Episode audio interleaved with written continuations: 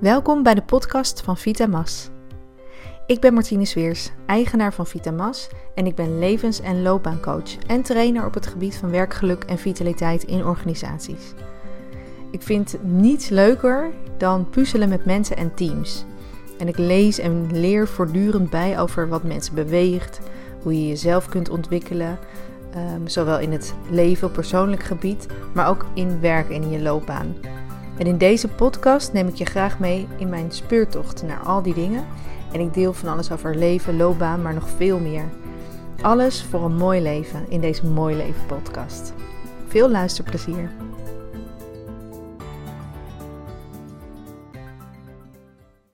Podcast nummer 30. Eerst geloven, dan zien. Consumentenvertrouwen is gekelderd, de economie zal een enorme klap krijgen, de werkloosheid stijgt als nooit tevoren. Daar word je niet echt vrolijk van, van al die berichten. helpt het dat die berichtgeving zo negatief is? Nou, zeker om kranten te verkopen of om lezers op je site te houden. Daar helpt het heel erg voor, want deze kopjes trekken toch je aandacht. Maar wat als we daarmee ook meteen onze toekomst voorspellen? Podcast van vandaag gaat hierover. Over dat wat je gelooft, dat je dat ook gaat zien. En waarom je daarom echt goed moet letten op wat je allemaal gelooft. Eerst zien, dan geloven. Dat is een veelgehoorde uitspraak. En misschien is het een Hollandse, de Hollandse nuchterheid, maar ongetwijfeld is het logisch dat het makkelijker is om pas iets te geloven als je het ook echt kunt zien of kunt vasthouden. Hoewel onze geschiedenis en alle wereldreligies ook best wel het tegendeel bewijzen. Ergens geloven we ook vaak wel in dingen die we niet helemaal kunnen zien of bewijzen. En is het geen religie, dan is het wel een bijgeloof of symbolen. Denk maar aan dingen zoals ehm, dingen die sporters doen, of ehm, als je iets meeneemt. Bijvoorbeeld als je een wedstrijd hebt en je wil een goede afloop hebben van die sportwedstrijd, dan neem je, ehm, of dan doe je altijd een bepaalde handeling, of je luistert altijd naar een bepaald liedje. Of je moet altijd dat bepaalde shirtje aantrekken.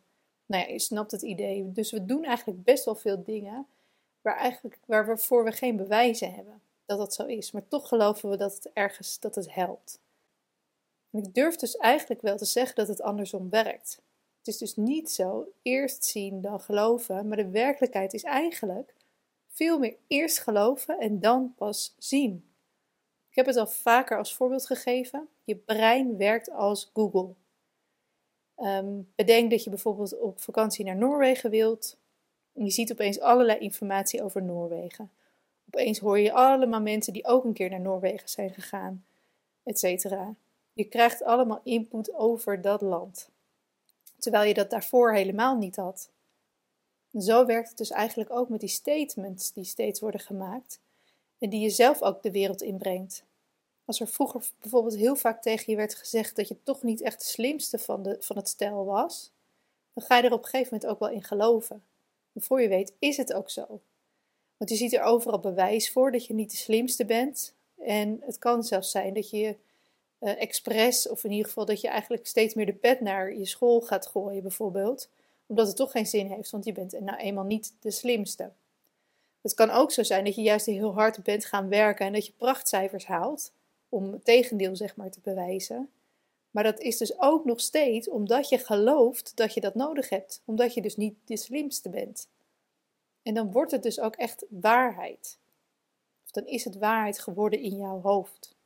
Maar kijk nu eens naar alle kopjes die dus nu in de media uh, naar voren komen. Hetzelfde is namelijk ook wereldwijd gaande. Dus het is niet alleen op individueel niveau, maar het is ook breed in de maatschappij, in de wereld nu. Nog voordat het coronavirus in Nederland was aangekomen, wisten we eigenlijk al zeker dat we in een crisis gingen eh, belanden. Dat mensen hun banen gingen verliezen.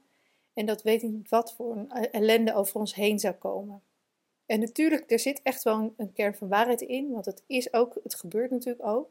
Het heeft heel veel invloed op de maatschappij. Ik ken ook heel veel ondernemers en ik ben zelf ook zelfstandige. En in een aantal sectoren zijn de klappen echt uh, flink die ze nu krijgen. Dus dat is ook echt wel wel waar voor een deel. Maar even los daarvan, er worden zo vaak statements gegeven over bijvoorbeeld het consumentenvertrouwen is gedaald. Of mensen hebben geen vertrouwen in de politiek. De meeste mensen ervaren angst. Ehm, er, mensen ervaren heel veel eenzaamheid. Allemaal vast wel waar voor een deel van de mensen, maar ik denk altijd: wanneer is mij iets gevraagd? Ik weet niet of ik minder vertrouwen heb als consument. Over het algemeen koop ik alleen dingen als ik denk dat ik ze nodig heb of dat ik ze wil kopen. En daarbij denk ik helemaal niet na over de markt of of ik daar vertrouwen in heb. En niemand van zo'n peiling heeft mij ooit iets gevraagd. Ook niet of ik angst ervaar nu of dat ik eenzaam ben. En ik zeg altijd, ja, ik ben dan toevallig misschien een positivo. Um, maar ik denk dat er zijn ook, er is een andere manier van berichtgeving die je kan kiezen. En uh, nu, ja, er worden zo vaak die negatieve berichten worden, krijgen zo vaak de aandacht. Want dat verkoopt nu eenmaal beter. Terwijl er ook zoveel mooie dingen en leuke dingen zijn om te vermelden. Wat overigens ook wel gebeurt. Maar de basis van het, van de nieuws, van, van de, de berichtgeving in het nieuws, is gewoon angst en negativiteit. Maar wat het dus ook doet, is dat als je dit soort berichten steeds weer de wereld in helpt, dus steeds dat je het steeds maar weer onder ogen komt, Ehm, dan is het hetzelfde als die vakantie naar Noorwegen. Je hersenen gaan automatisch naar informatie zoeken over dat wat er in hun Google is gestopt. Dus als dat dingen zijn zoals mensen zijn bang en hebben geen vertrouwen, dan, dan gaan je hersenen dus eigenlijk helpen om dat te bewijzen, om dat te laten zien. Prompt zie je allerlei dingen die dat idee onderschrijft, uh, schrijven. En dan denk je, zie je, het is zo, want ik zie het, het is waar. Maar in werkelijkheid is het dus eigenlijk andersom. Een, ander voorbeeld is dat ik, ik ben in mijn puberteit behoorlijk depressief geweest. Echt een flinke donkere periode. En in de tijd daarna, toen ging het eigenlijk wel weer goed met mij, heb ik nog een lange tijd geloofd dat ik nou eenmaal een glas half leeg persoon was. Net iets negatiever, wat somberder dan gemiddeld, zeg maar.